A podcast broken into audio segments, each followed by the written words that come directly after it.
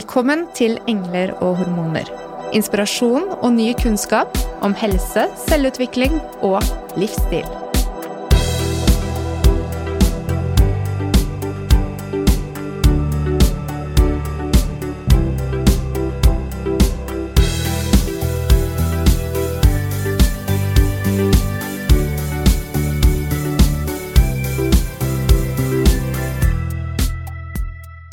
Week's episode is about asking the question to identify our core identity as women in a world structured and developed on masculine values.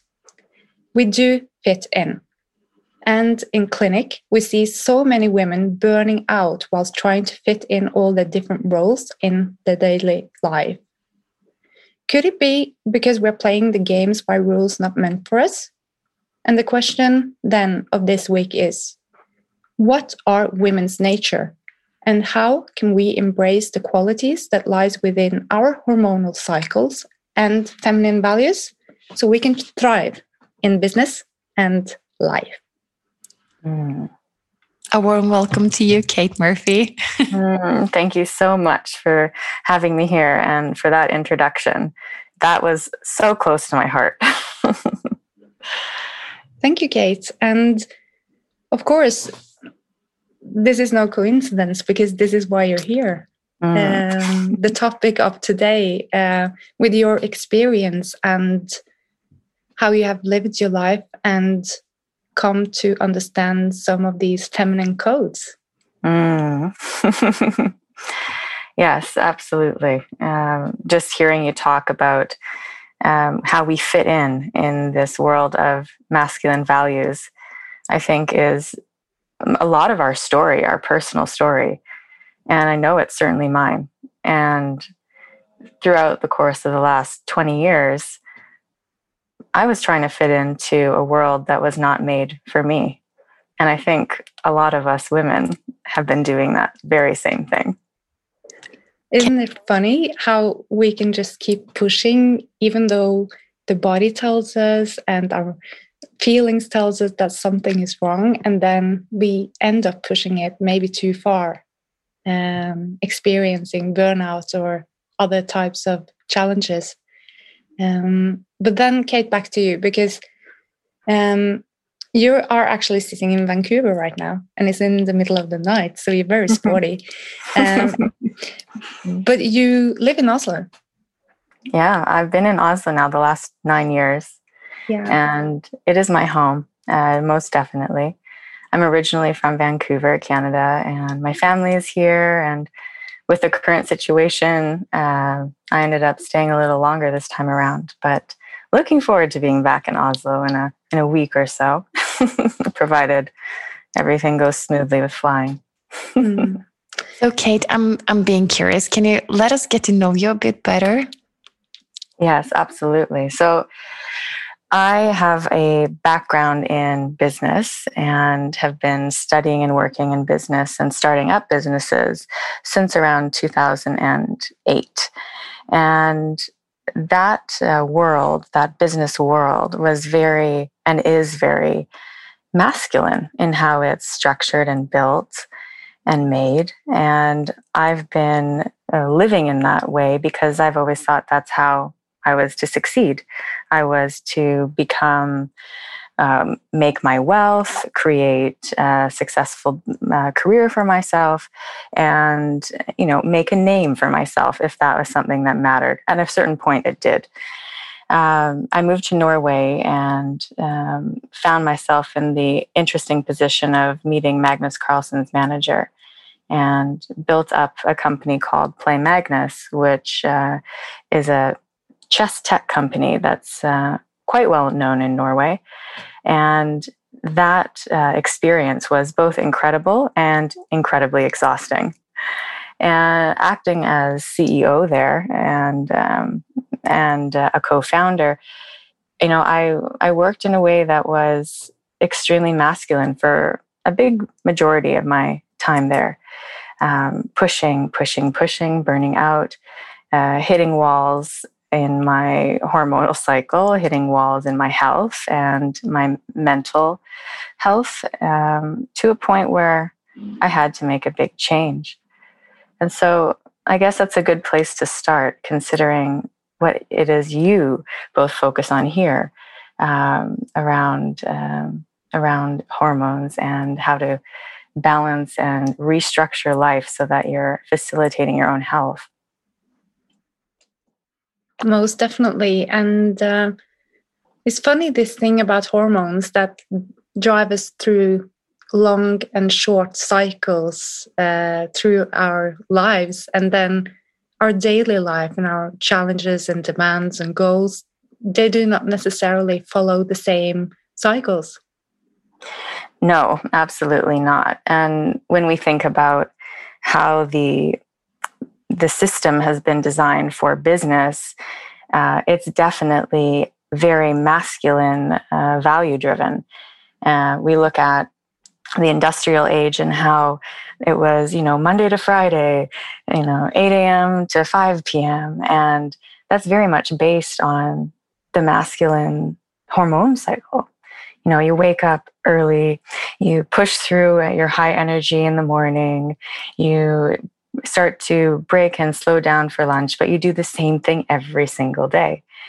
And as women, you know, we have a different cycle that's not 24 hours. It's over the course of 28 and a half days and on average. And when we refresh, we start to think, hmm, maybe a woman's working cycle should be in the follicular phase. We're working uh, with a little bit more intensity and gusto and around ovulation. And then as soon as we hit luteal, and as we move into our new moon, we should be slowing down and quieting up and taking rest and resetting. And maybe the work cycle for women should be different. Maybe mm-hmm. our weekend should be on our bleeding days. So we have time to rest and recuperate and, and check out from the, the hustle of, of the work, work week and the workforce. And, you know, you never see that considered in business. It's like that would be ludicrous to think about that. I think there will be very many women that are experiencing troubles around their menstrua- uh, menstruation that would be happy to hear you say that because some women are actually struggling to cope with this normal demands of work life and especially around their bleeding days where they have a lot of problems yeah I, I think it's so much more common than we talk about and we speak about. And because when you start saying things like we should change how the work week is for women, you know, it, it starts to create issues problems like don't go there. That's that's not something that's reasonable. That doesn't make sense. Like if you start to bring that up in dialogue within the old system. But when you start looking at how many women are now becoming entrepreneurs and starting up their own companies. Having this wisdom allows us to make decisions around how we structure our own lives, how we structure our own businesses. That being said, when you do have this knowledge and you are working in a corporation or in the government, you can have some flexibility in how you're scheduling your time and mm-hmm. being able to think ahead, plan ahead around when are you um, going to schedule these types of meetings? When are you going to take some, you know, flex time and flex days off? So there are ways to work around it, and it's important that we we own that responsibility for ourselves um, because it's not being done for us right now. Mm-hmm. Can you give us some more examples? Like, how can you do it as a woman to start the dialogue with your with your boss, or yeah? Mm. I think the first thing is to get really clear on your cycle. And I'm sure a lot of your listeners are already doing that. For me, um, charting it uh, and understanding exactly when I really need those days is would be my first step because then over the course of, you know, let's say three months of tracking your cycle, you know kind of what to ask for at that point. So, looking for flexible time if you don't feel comfortable talking to your boss, because perhaps they might not understand or you think they might not understand, you can always look at is it possible that during this week each month, I'm able to take flexible time if I'm working more? Um, in what you would uh, call to yourself your follicular phase or your ovulation phase, and then actually taking off some of that flexible working time around your bleeding days or your or your um, the, your days that you're closest to your period if you tend to have uh, the most challenging time in your PMS phase. Um, but certainly, like starting at understanding first and then working to see can I take flex days? Can I take holidays?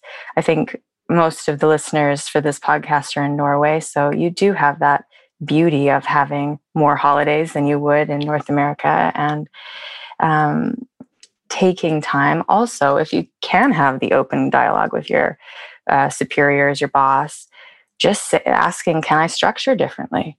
Can I work on a weekend once in a while so that I can take the time I need for this? And being really honest. Because the other side of it is that when we start getting honest with this and we normalize it, that's when things can change. But I also recognize it's not always easy for every woman to talk about this um, in in a more traditional corporate situation uh, because there is a lot of fear around will I be judged? Will I be seen as weak? And that's also part of the problem because that's what has kept us pushing and pushing and pushing for so long. So I would start there and having a dialogue, if possible, around the truth, the the reality. And if that's not possible, still having the dialogue and making it about your flexibility that you need for your life. Then I get like this immediate follow up question What about all of the women, 100 million women around the world, uh, taking hormones as in prevention, birth, birth control? Yeah. I mean, then you, of course, have a different situation and a different experience in your cycle. And I know for myself, um, I haven't, I have been on the hormonal birth control pill, but I was quite young. Um, and I went off it. So I, I, don't remember what it's like being there, but from what I recall, I remember my um, my moods being totally out of whack.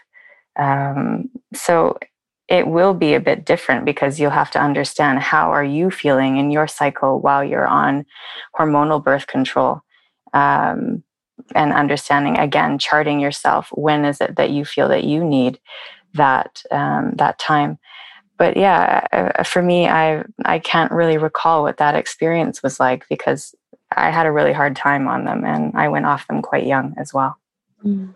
Mm.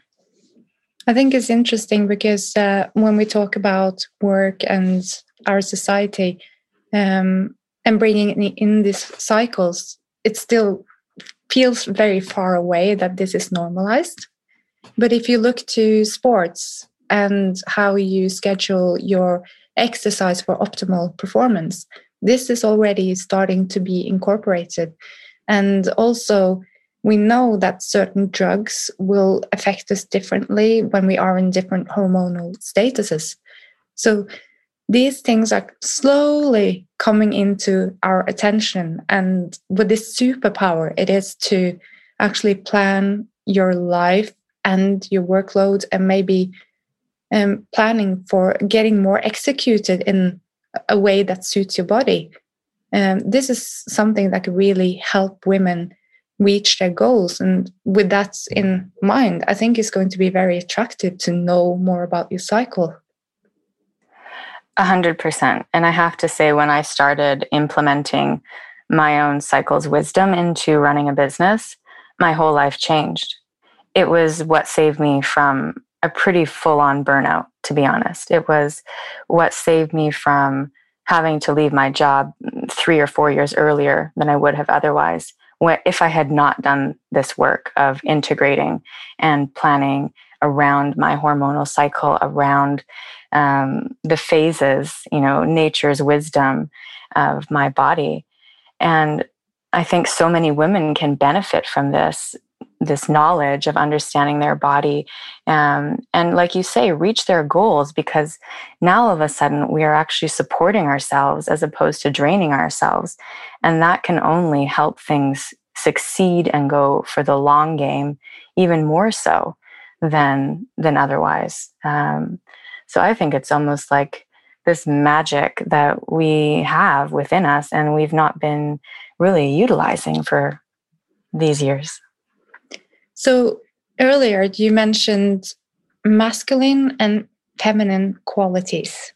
Mm. And it's easy to think that we talk about men and women, but uh, you're not.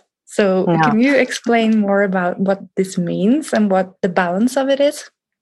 I love this question because it's often when I talk about masculine, feminine, I find a lot of people always attribute it to male, female.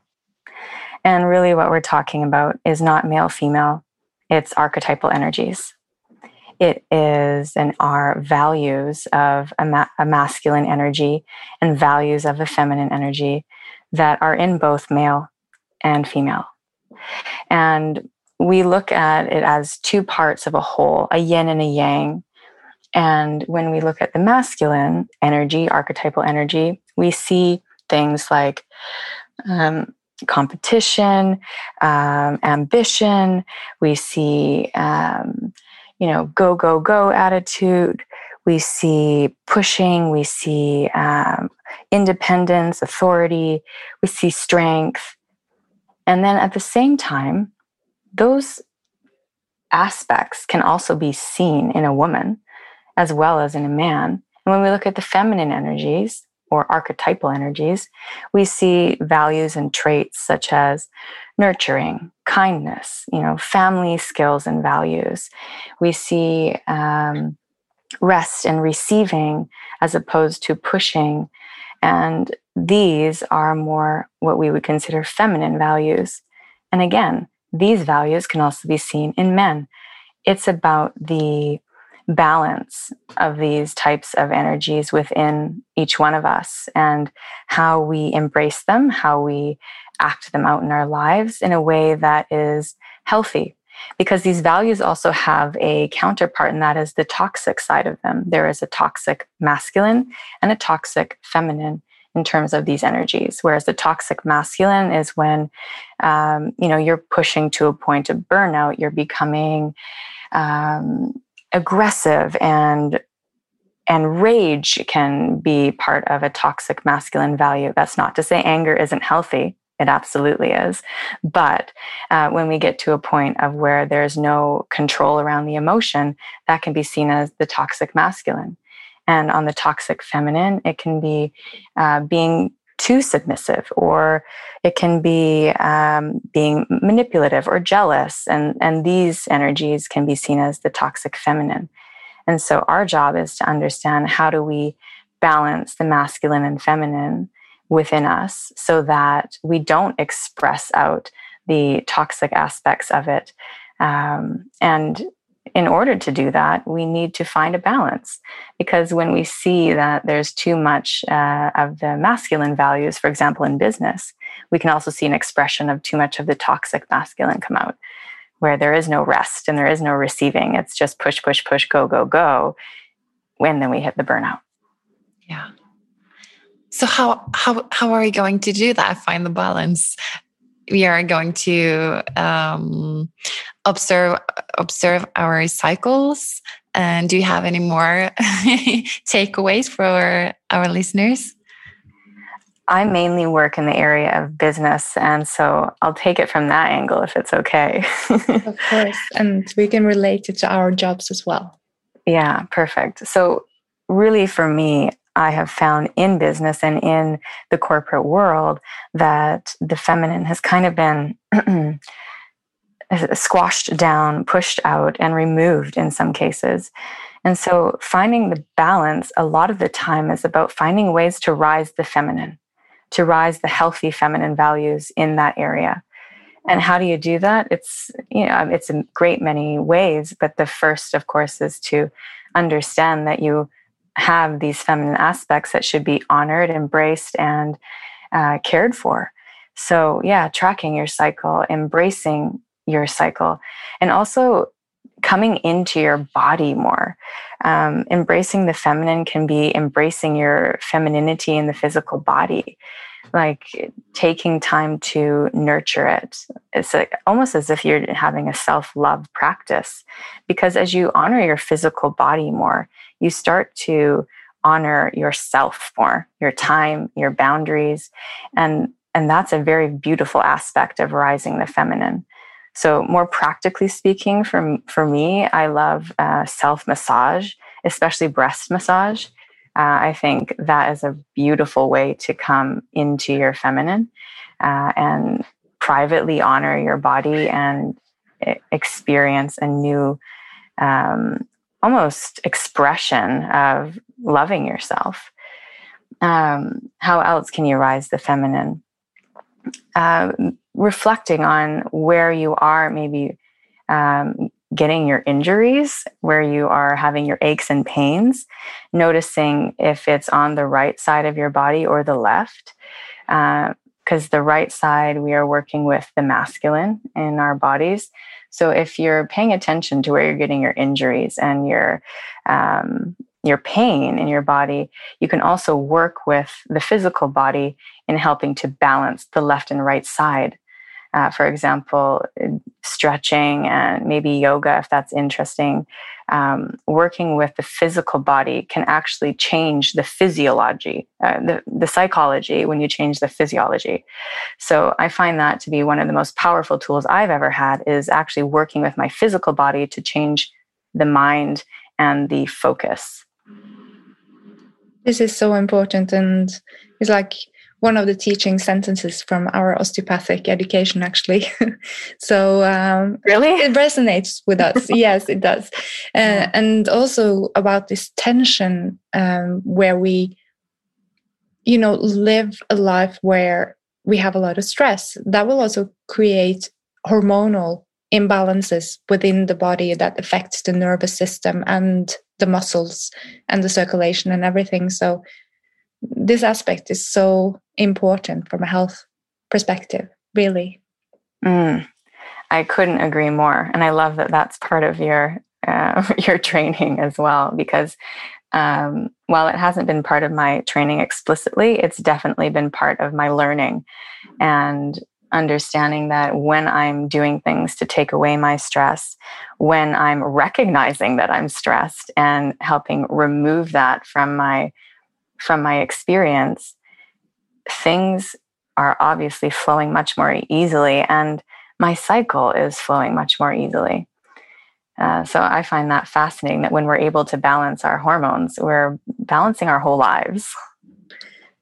I think it's funny because uh, we know you have background in yoga, and um, a lot of the things that are expressed in Eastern philosophy is also named in Western medicine, but it's just different wording, you know, like and um, you choose whatever is right for you. And this part you say about self love, uh, I'll just jump into that because if you react to that, it's almost like you are in your masculine aggressive, mm-hmm. because that could be quite challenging to take time, or someone would say, waste time on doing self love. What is this really, and what is the point? Mm. Like, what is the benefit? I'd love you to dive more into that. Uh, I love this question because I was the type of person about 15 years ago that would have been like, what a waste of time. What a bunch of woo. but um, no, I mean, self love, my gosh, that's the most powerful practice I've come across in, in my lifetime. And what is self love? It is it's a great many things. And the first thing I would say is prioritizing yourself in a way that supports your wellness, uh, happiness, and well being. Um, Self love is about appreciating you know your physical body that is here on this earth walking you through life it's about understanding your value as a woman as a human as an equal um, you know, to think that self love is a waste, well, I think that um, women that have trouble coming into that place of understanding the importance of it uh, will often have to hit a wall, like I did, to be reminded about the importance of caring for oneself um, not just physically and in the physical body, but emotionally, how we speak to ourselves, how we reflect to ourselves, um, and also from a spiritual aspect, how we connect to ourselves, uh, and how we take the time to honor that connection. And it doesn't need to be spiritual. I mean, I'm quite a spiritual person, but it doesn't have to be like that. Self love can be coming from a place that's a lot more um, grounded in the physical. But it's important to have these three aspects of physical, mental, and emotional or spiritual um, in terms of how you care for yourself.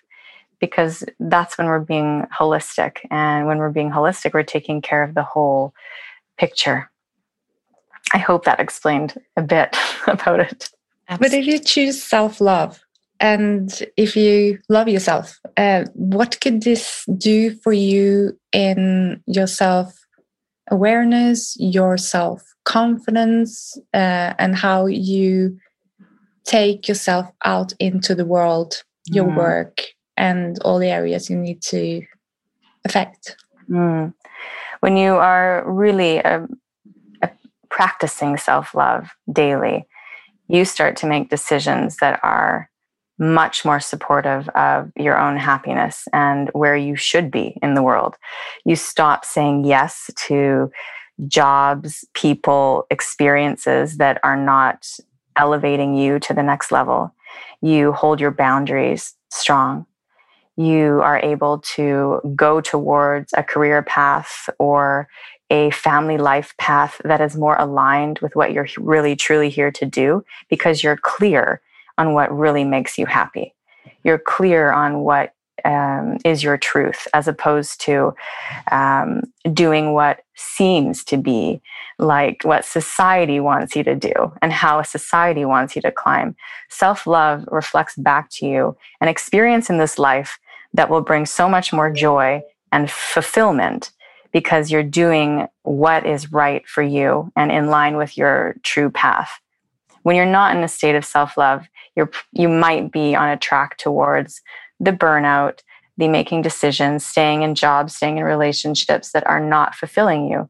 So it changes everything, changes your whole life path, which can be scary for some because it requires you to make decisions that are truly um, sometimes difficult, but also the decisions that will help you live a more full and beautiful life. This is going to be so good for the individual, the the woman. But what what will this uh, mean for the company and the business?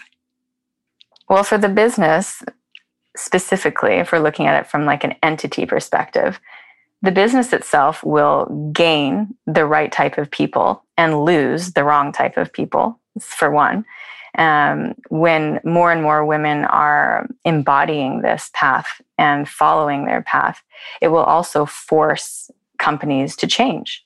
It will force businesses to change how they are handling their people.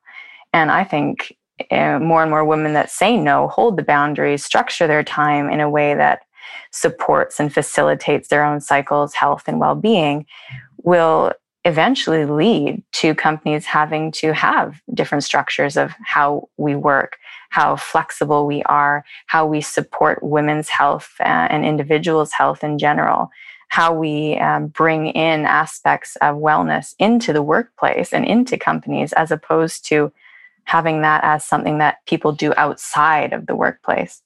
Mm. Uh, I think that can create a massive shift across um, industry if more and more women are aware of this, embracing it, and acting on it. Mm. Do you have any examples of uh, places like companies or areas that are doing this and are experiencing the benefits from doing it? I don't have a lot of specific examples of um, large companies uh, that are really embracing the feminine. That being said, um, I know of a lot of women who are leading companies that are bringing in these aspects for themselves and their employees. And for me, when I was running uh, Play Magnus, a big part of how I structured was structuring firstly my own time. And I was I had the luxury of being able to do that because of my position but also I was bringing in aspects like yoga and mindfulness or meditation into my team, um, bringing in very open dialogue uh, for those that were in my team, about what their needs were in terms of flexibility around their families, around their own um, feelings and part of their cycle. Um, and, and that I think helped facilitate a really healthy working culture um, in, in the business. And I see more and more women who are stepping into these leadership roles that have this knowledge or this experience that they are structuring things differently. Um, but I don't know of any big corporations that have actually brought in, uh, like explicitly, this knowledge. Maybe you do.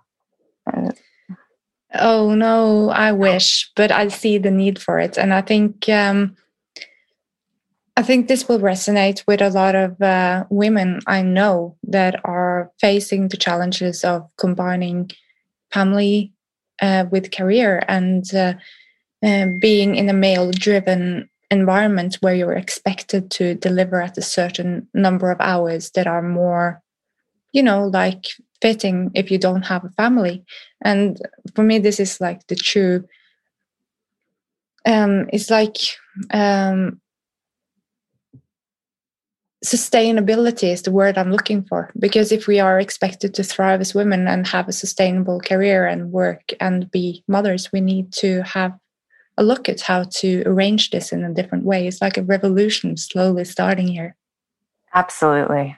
And while I'm not a mother yet, and I do hope to be someday, I feel that so much uh, pressure is put on mothers that are working, like the incredible amount of pressure and almost the insanity that is in business and in industry around the expectation for women to hold down a household, work a full time job, raise a family, sleep enough, eat well, get some exercise, meditate, take well of their take care of their mental health.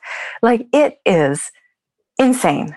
Mm. And so to not have the boundaries and to not have that self-love piece is dangerous because it's a guaranteed recipe for burning out. It's a guaranteed recipe for feeling not enough. And it's so easy to feel these things when you're being pushed by societal expectations in your work in your business um, to these points of breakdown um, you know and it's it's it's such a time for this revolution yeah. and for this dialogue. And I think us expecting as well to come back uh, and be able to work at this level uh, like it is today, and then the level of postpartum care that is helping the woman also come back to their previous physical state is so much lacking, which is just uh, insane the way we are treating women postpartum with this layout of uh, societal expectations. Mm-hmm and how that was structured and why it was structured in the way it was. Mm-hmm. And I, I, look at Norway and I think what a much better job that Norway has done for women. That being said, it's not perfect.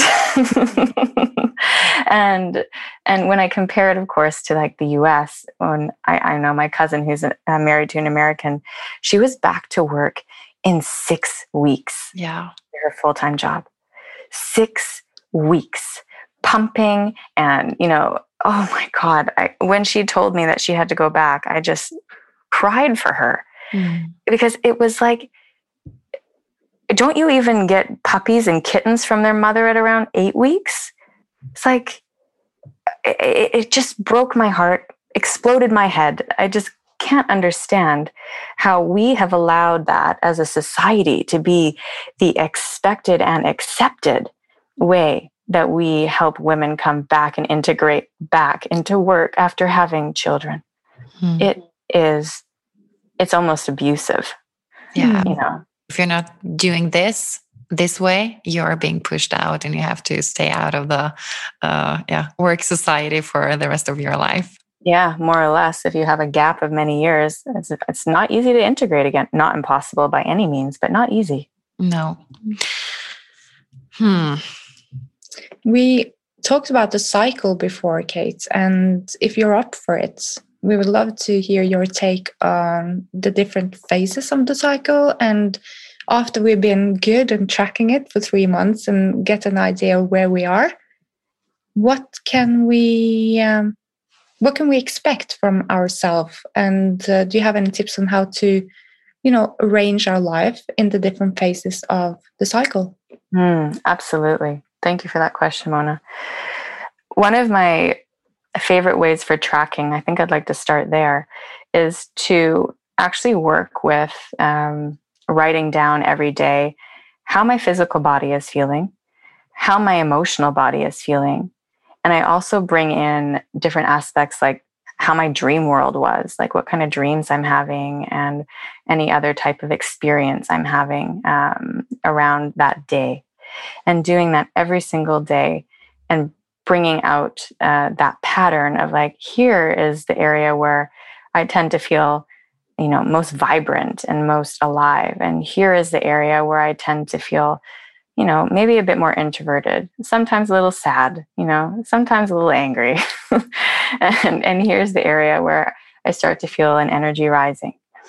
And so when we start looking at our our bleed our follicular our ovulation and our luteal phases um, and we can even you know break them down even further like the beginning of my luteal phase i'm feeling more like this and the end of my luteal phase i'm feeling more like this. When we get that granular you can actually start to look at day by day how you can plan uh, in a way that facilitates how you can you might be feeling that day how your energy might be that day so for me personally i actually have in my calendar um, every week I have a stretch of calendar that shows me ahead of time, months ahead of time. This is going to be my new moon. This is going to be my waxing moon, so my follicular phase. This is going to be my full moon or my ovulation week. And this is going to be my uh, waning moon, my luteal phase. And I have that in my calendar for months and months ahead so that when I'm planning and I'm scheduling, especially around um, my business and you know doing stuff like podcasting and being out in the world i'm going to make sure that i'm doing that at a time where i'm in my waxing or ovulation stage and then i will purposely look in my calendar and say okay that will be a good week for that let's plan that for that week so when you're looking at each phase you can start to say okay during my bleed or my new moon phase I'm going to look at myself as maybe taking two days off, if that's possible, maybe taking half days, maybe taking some flex time. I'm going to take that time to reflect, look back at the month previous or the project previous. I'm going to take the time to um, take some more rest than I might otherwise.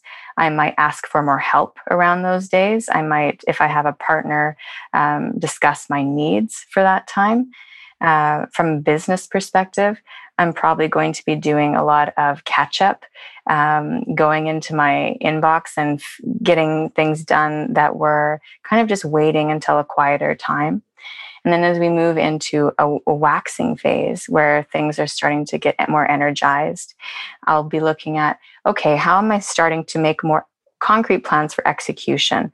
How am I going to start really bringing the planning that I did in my bleed into um, into execution phase, getting out more for pitching, presentations, networking, and that can all happen into and through to the ovulation. And as we move back down into the luteal, we start coming back into taking less meetings, uh, coming more back into um, reframing and deciding what didn't work and what is going to be reframed for next cycle around. Wow. Hmm. So this is a very organized, really way to look at all the things that you need to get done in a business. Yeah, absolutely. And like everything has a phase. Like when you look at a project, we have a winter, a spring, a summer, and a fall or a harvest.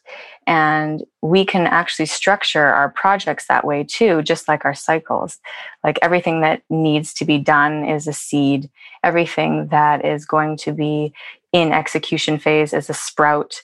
We're coming to a point where we're um, putting it out into the world, where we're blooming, and then we are harvesting. We are taking the learnings, we are reassessing, we are closing down. And you know, everything that is in business is the same as our cycle. It's just how we frame it, how we look at it, and how we structure it. So, uh, if you were to implement this uh, with goals and more like business like tools, that goes as well, right? Because you need your statistics and you need your hardcore uh, masculine values infused in these plannings. Absolutely. And and that's the reason why I feel that the masculine is there already. Mm-hmm. And it's about rising the feminine up to meet it so that it can be woven together. Because when we start bringing together this intuition of the feminine and the data and analytics of the masculine, we're going to make such better decisions. It's yeah. going to come from a place of much more truth. I mean, I can't tell you the number of times where I've made decisions based on analytics when my intuition was telling me opposite, and it was definitely wrong. Um, but when we start rising up this um, the feminine value of intuition and meeting it with that masculine we can create and achieve our goals in a much faster and um, healthier way. Because we're all of a sudden embodying the whole rather than just parts. And when we embody the whole and we bring everything together we are able to become masters of our own lives, or let's say mistresses. it's That's all- really good. Uh, you said one word there intuition. Um, is this common word to be used in the business world? And how would you explain what it is to you to us? You definitely hear it um, in different ways, and usually in a more masculine way. Usually, it's I feel it in my gut. Mm-hmm. and you sometimes hear businessmen say say that once in a while.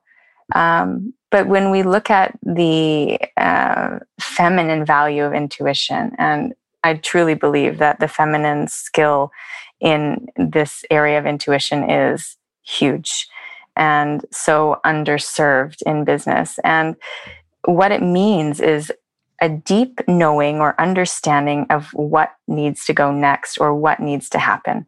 And it's not, um, it, it's not so much a feeling, you know, because the feeling is something that's fleeting and temporary. It's almost as if an, it's a knowing. It's something that comes in and comes through, and there's not a fear and there's not a joy. There's just a neutrality of knowing that is the truth. And you know, we all get it. We get like when we meet somebody, we get an initial intuitive guidance like, is this a good person to hire on or is this not a good person to hire on? And 99 times out of 100, when it's a not a good person that comes through and their resume looks perfect, don't hire that employee. Trust your gut. And I have done the opposite more than once. mm-hmm. And and and both times that I did that because the paper was great and everything was great it was a big mistake and and both of those people had to exit.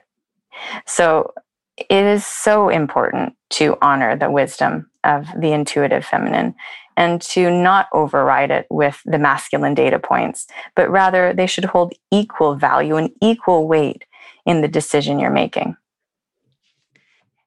This is uh, this is very beautiful and i think maybe sometime you can come back, Kate, and talk to us more about how making these difficult decisions in a balanced way and bringing in the feminine in all these challenges uh, challenges we do meet in our work environments. Mm. But you are also a wellness junkie. so now that we got the run through of uh, how to create a more balanced life uh, we would love to get some inputs on the wellness aspect and how to support yourself as a woman. Because, um, well, there are some interesting trends out there, but they could be difficult to get in and manage to get them into your daily life. What would you suggest to be a go to for women that wants to take more care of themselves? Mm. I love this question. It's so beautiful. I think the first thing is to understand what makes you feel best in a day. You know, what what practices, what self-care um, practices make you feel best. And for me, I really love working with herbs. I love working with meditation. I love working with yoga as a physical practice. I love working with nature. I love being in nature and taking time to get out several times a week because I find that actually is one of the most potent self care practices. Um, in terms of wellness, it's how we eat, how we eat intuitively, how we nourish our bodies in a way that supports our own cycle. For me, also around the herbal side, I love working with herbs and plants that help support my cycle, but also where my mental health is at that time of the month. Um, drinking teas every morning with different herbs that are nourishing me um, for the way that I need that that time uh, is one of my really my go-to practices and i find that that's a really easy way for a lot of women to integrate making like almost tea an, a ritual a self-care ritual um, taking time to get quiet getting up early you know having a morning space a sadhana so to speak of where you have alone time and quietude where you can reflect on how am I feeling today? What are my needs? Tracking my cycle, understanding, you know, where I'm at. Um, and that's such a potent piece of wellness and self care that sometimes gets neglected when we focus on the food and diet and exercise. Uh, but the the time for self is also extremely important. Um, taking baths, if you have a bathtub, is a wonderful uh, practice where you can make that self care time uh, a priority. Um, but yeah, I mean, for me, it's it's a combination of everything: diet, movement, mindful mind um, focus, and uh, spiritual practice. Really. And I read on your uh, homepage, um, Kate, that you kind of lost the nature um, when you were your you were overload. Mm. Yeah, yeah. I think when I started um, diving too far into my masculine and pushing so hard in business, I stopped spending as much time out in nature alone. And coming back to that was a revolution for me, to be honest, because being in nature, there is so much medicine there. It is so grounding healing, nurturing. Like if you're feeling really low, go for a swim in the ocean and you will not feel low anymore. Mm-hmm. You know, if you're feeling lonely, go and walk through the forest and talk to the trees. You will not feel lonely anymore. Like there is so much potency and like this might sound a bit crazy and I don't ever really say this to people, but you know, I sing and talk to the ocean. and, and I'm going to be really honest, that's been one of my most healing practices mm. is praying, singing, and talking to the ocean. It might sound mental, but I tell you, it is one of my most potent self care and self love practices and makes me feel so much more connected to this planet and what is greater than us. And if there is one thing we need during this pandemic, it's talking and singing to the ocean and just feel. Mm. I love that. Mm-hmm. Thank you so much, Kate. Um, we haven't really talked as much today about your achievements in business and in your career, but they are vast. And you do have a lot of experience in building companies, running company. Um, and now you also offer some help to other women and work as a consultant. Uh, so, if our listeners find that this resonates and I want to dive deeper into your work and get more knowledge about how to transform your life, how can they reach you? Oh, thanks, Mona.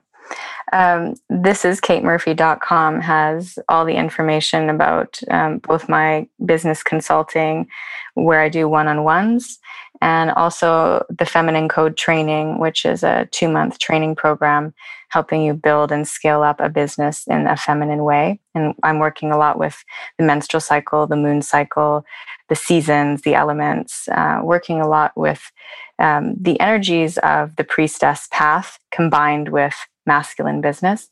And so that's called the Feminine Code Training. And I begin that on February 11th. And of course, I would love to connect with your listeners on Instagram. Uh, my handle is This is Kate Murphy. And always happy to uh, chat in DMs over there. oh, that's so good. Uh, we will be sure to link your details in the show notes as well so your listeners can find them there. Mm. Thank you so much. So, Kate, thank you so much for joining in from Vancouver at uh, 4:30 a.m. Is it?